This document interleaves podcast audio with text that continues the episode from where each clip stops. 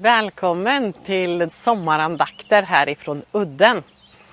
Idag är det Palle som kommer att tala utifrån en av personerna i Bibeln. Vi lägger den här stunden i Guds händer. Tack Gud för att du vill vara med oss. Tack Jesus för din eh, närhet var vi än är och var vi än finns. Tala till oss idag, välsigna oss och var med oss i de situationerna som vi är. Tack för möjligheten att få komma tillsammans på det här sättet. Amen. Välkommen!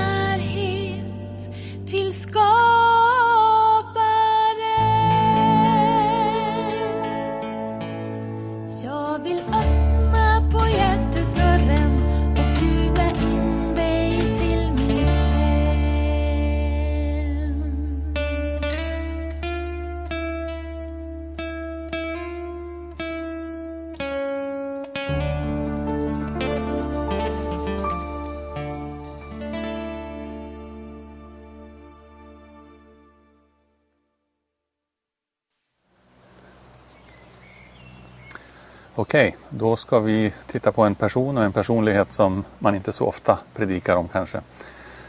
En man som hette Pontius Pilatus och som fick spela stor roll i den kristna historien. Vad var han för någon person egentligen? Ja, han var ju en makthavare, en utav Rom utsedd person att ta hand om Judeen, ett område där i Israel. Eh, en romersk ståthållare kallades det för och han var ståthållare där mellan åren 26 till 36 efter Kristus. Så det var precis under de här åren då Jesus hade sin verksamhet igång för fullt. Och Pontius Pilatus han hade naturligtvis med största sannolikhet hört rykten, snack om Jesus, om den här personen som gick omkring och gjorde saker som förundrade folk. Han hade säkert nåtts av både det ena och det andra ryktet där. Antagligen under de här tre åren då Jesus höll på som mest med sin verksamhet. Och nu så står han där tillsammans med Jesus ansikte mot ansikte. Det måste vara ett speciellt ögonblick. Det hände ju fler än en gång men när han står där med honom så vet han att det här är en ytterst ovanlig man. Det här är en speciell person. Men han vet inte riktigt hur han ska hantera Jesus. Han hade också samtidigt olika grupper av folk på olika nivåer som påverkade honom, Pilatus.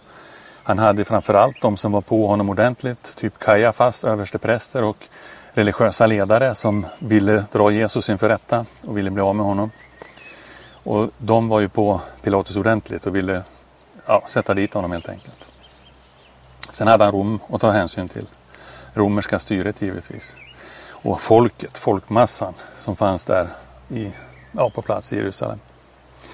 Så det var rätt många att tänka på och, och påverkas av. Men nu står han där helt enkelt och möter honom. Och då läser vi ifrån eh, Johannes evangeliets 18 kapitel och 29 versen.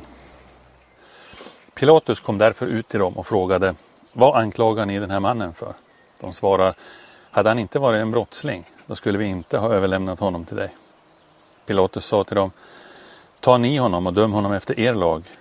Judarna sa att vi har inte rätt att avrätta någon. Alltså Pilatus han gick tillbaka in i pretoriet och lät kalla in Jesus och frågade Så du är judarnas kung? Jesus svarade, säger du det av dig själv eller har andra sagt det om mig? Pilatus säger, ja, jag är väl inte jude. Ditt folk och översteprästerna har överlämnat dig åt mig. Vad har du gjort? Jesus svarade, mitt rike är inte av den här världen. Hade mitt rike varit av den här världen skulle mina tjänare ha kämpat för att jag inte skulle utlämnas åt judarna. Men nu är mitt rike inte av den här världen. Du är alltså kung, svarade Pilatus. Jesus sa, du själv säger att jag är kung. Därför är jag född och därför har jag kommit till världen för att vittna om sanningen. Var och en som är av sanningen lyssnar till min röst. Och Pilatus sa, vad är sanning? Med de orden gick han ut till judarna igen och sa till dem, jag finner honom inte skyldig till något brott. Det här stycket är intressant och fascinerande tycker jag. Inte minst när han kommer till, till slutet där och säger vad är sanning? Och Jesus, han är bara tyst. Han svarar inte ens på det. Jag vet inte vilken blick han hade eller hur han såg ut så att säga inför Pilatus just då. Men det vi vet är att Jesus hade ju hela sitt liv vart, vart sanningen? Han bar sanningen. Han gick inte omkring och pekade på sanningen. Han gick inte omkring och sa att han söker efter sanningen. Eller, han, han var sanningen. Han sa det till och med vid ett tillfälle när han sa jag är vägen, sanningen och livet. Så han visste vad det handlade om. Det märks också att Pilatus han bygger upp sin egen uppfattning om Jesus. Inte bara lyssna på de andra utan han kollar det han kan. Och han verkar inte vilja döma Jesus faktiskt.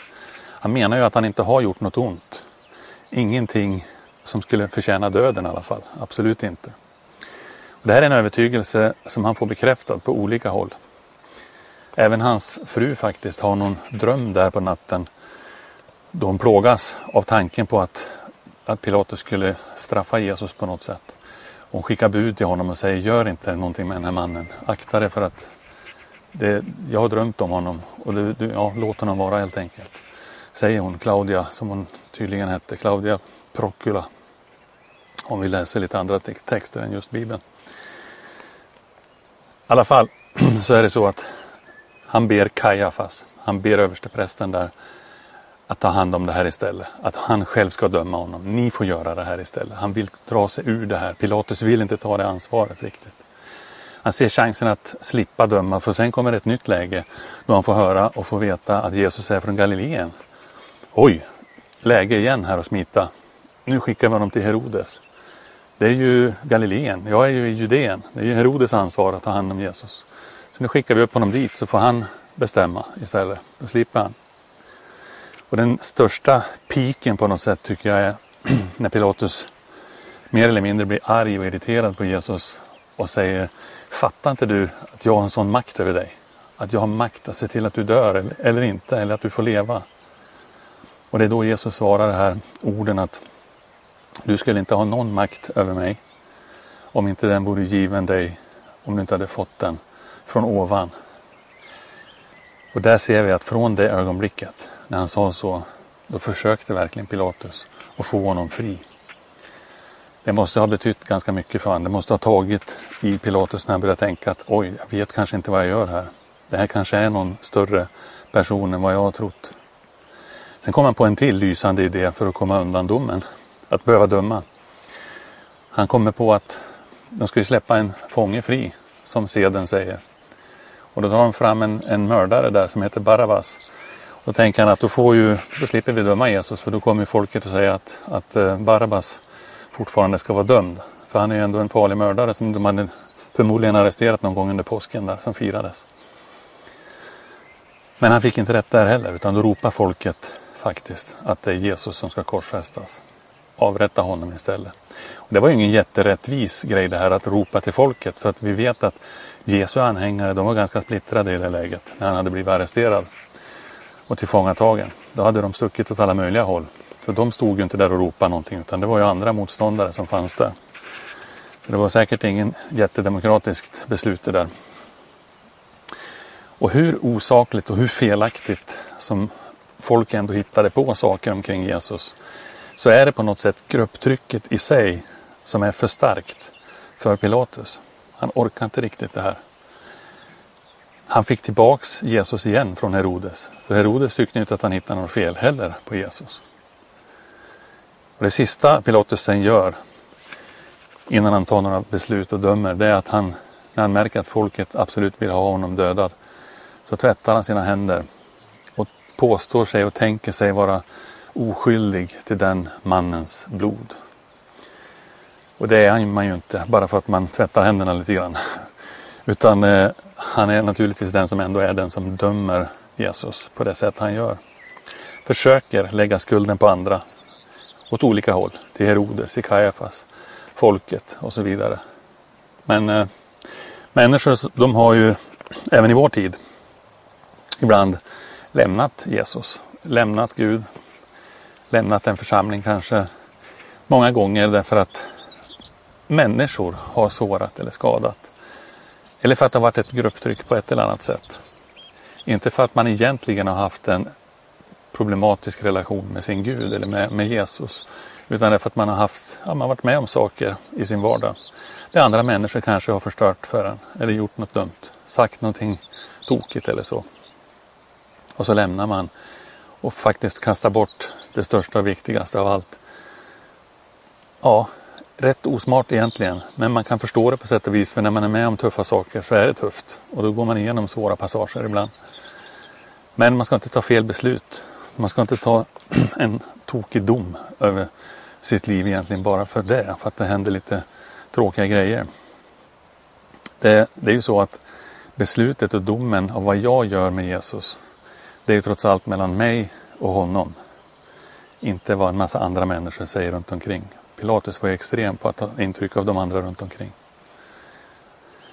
För själv kan vi ju se att han kom fram till liksom att hans identitet och hans stabilitet vad gäller synen på Jesus var ju ganska tydlig. att Han har inte gjort något fel. Vi, vi, kan inte döma honom. Jag försöker få någon annan att göra det för jag kan inte döma honom.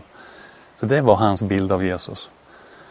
Men ändå dömer han honom därför att trycket runt var för tufft. Han kände till Jesus först. Han undersökte närmare vem Jesus var. Han brydde sig på allvar. Kom fram till att han är fascinerande, att han inte är av den här världen. Han kom fram till att ja, han tog en ställning i sitt hjärta på något sätt att han ville ge honom rätt. Men samtidigt, ja, han såg honom oskyldig, men samtidigt tar han intryck av omgivningen som säger emot hans övertygelse. Han väljer att överge sin rätta, sin egen äkta upplevelse av Jesus för att andra tjafsar. För att de har fel, men de trycker på för hårt. Så tycker han sig rädda sitt eget skinn på något sätt genom det här beslutet. Sen kan man ju också titta på vad som händer när han blir korsfäst och ser att Pilatus har satt upp en, en skrift ovanför Jesu huvud på korset. Där det står att det här är Jesus Kristus, judarnas konung. Och då blir judarna irriterade på Pilatus igen och säger skriv inte sådär, skriv, skriv att han sa att han var judarnas konung, att han påstod sig vara det. Då svarar Pilatus bara till dem, det jag har skrivit här, det har jag skrivit. Han visste själv någonstans i sitt hjärta att han hade sin ställning och sin syn på honom och det bestämde han själv. Vi kan läsa i Matteus 27 också när han sa så här. Han frågade folket vad har han gjort för ont? De skrek ännu högre korsfäst honom. Pilatus såg att ingenting hjälpte utan oron ökade bara. Då tog han det här vattnet och tvådde sina händer inför folket och sade Jag är oskyldig till den mannens blod. Det här får ni själva ta ansvar för. Allt folket svarade då Låt hans blod komma över oss och över våra barn. De vet inte kanske hur rätt de hade på ett sätt där eftersom Jesu blod faktiskt har varit väldigt betydelsefullt för hela mänskligheten därefter. På ett annat sätt än vad de kanske tänkte. Finns det likheter mellan dig och Pilatus? Finns det likheter mellan er två? Mellan mig och Pilatus? Gör det det? Ja, jag har hört talas om Jesus och du kanske också har gjort det och inte har någon personlig beröring kanske. Men ändå känner andra som känner honom. Du kanske har bekymmer med beslut, svåra beslut. Lämpar dem gärna på någon annan eller försöker få någon att gå med i dina beslut därför att du tycker det är svårt att ta dem själv. Och inte minst beslutet om Jesus som du egentligen bara kan ta själv. Har du ställts inför möjligheten att säga ja till Jesus men tryckt bort det varenda gång? Sen känner du att det återkommer igen. Nu kommer det här igen. Jag kan ta ställning igen. Och varje gång känner du någonstans innerst inne att han är sanningen. Han är äkta. Han finns. Men risken är att du inte tar beslutet på grund av din omgivning. Frågan som ställs där. Vad ska jag göra med den Jesus som kallas Messias, Guds son? Den frågan den kan du inte tvätta bort med att tvätta händerna. Den kan inte, man kan inte liksom tvätta händerna och trycka på avtryckaren efteråt och säga att ja, men jag har tvättat händerna så jag är inte skyldig. Du har tagit ditt beslut och du tar det om och om igen. Och det blir en effektlös, billig symbol för att man egentligen inte vill stå för det man tänker och tror. Gör dina egna upplevelser med honom. Håll fast vid dem. Vi kan påverkas av folk runt omkring att tänka att jag hade kanske tänkt det fel eller någonting. Men håll fast vid det du har upplevt med Jesus. Och gör inte det Pilatus-misstaget att du dömer honom i slutändan fast du egentligen tror att han är rätt för dig. Ha en härlig sommar. Ibland så ser vi i tidningar, andra media, hur eh, framförallt kanske kända människor blir eh, uthängda för någonting som de påstås ha gjort. Ibland så visar det sig att nej, men det hade de inte alls gjort. Så först är de dömda och sen blir man frikänd, men på något sätt så är man ändå dömd, eller vi dömer dem. Och så kan det vara för oss också. Jag tror flera av oss har varit med om att människor har dömt oss för något vi har sagt eller gjort och tyckt att ja, men, den är ju så. Och sen eh, visar det sig att nej, men så, så är det ju inte. Men ändå hänger den där domen kvar över oss. Den onde själv försöker anklaga oss på alla sätt för alla möjliga saker. En del kanske är sant, men, men mycket är lögner och falska anklagelser. Men då är det skönt att veta att när Gud frikänner, då är vi frikända i högsta instans. Då kan inte någon överklaga det beslut som Gud har gjort, den dom som han, eller den frikännande dom kanske man ska säga, som han har gett över våra liv.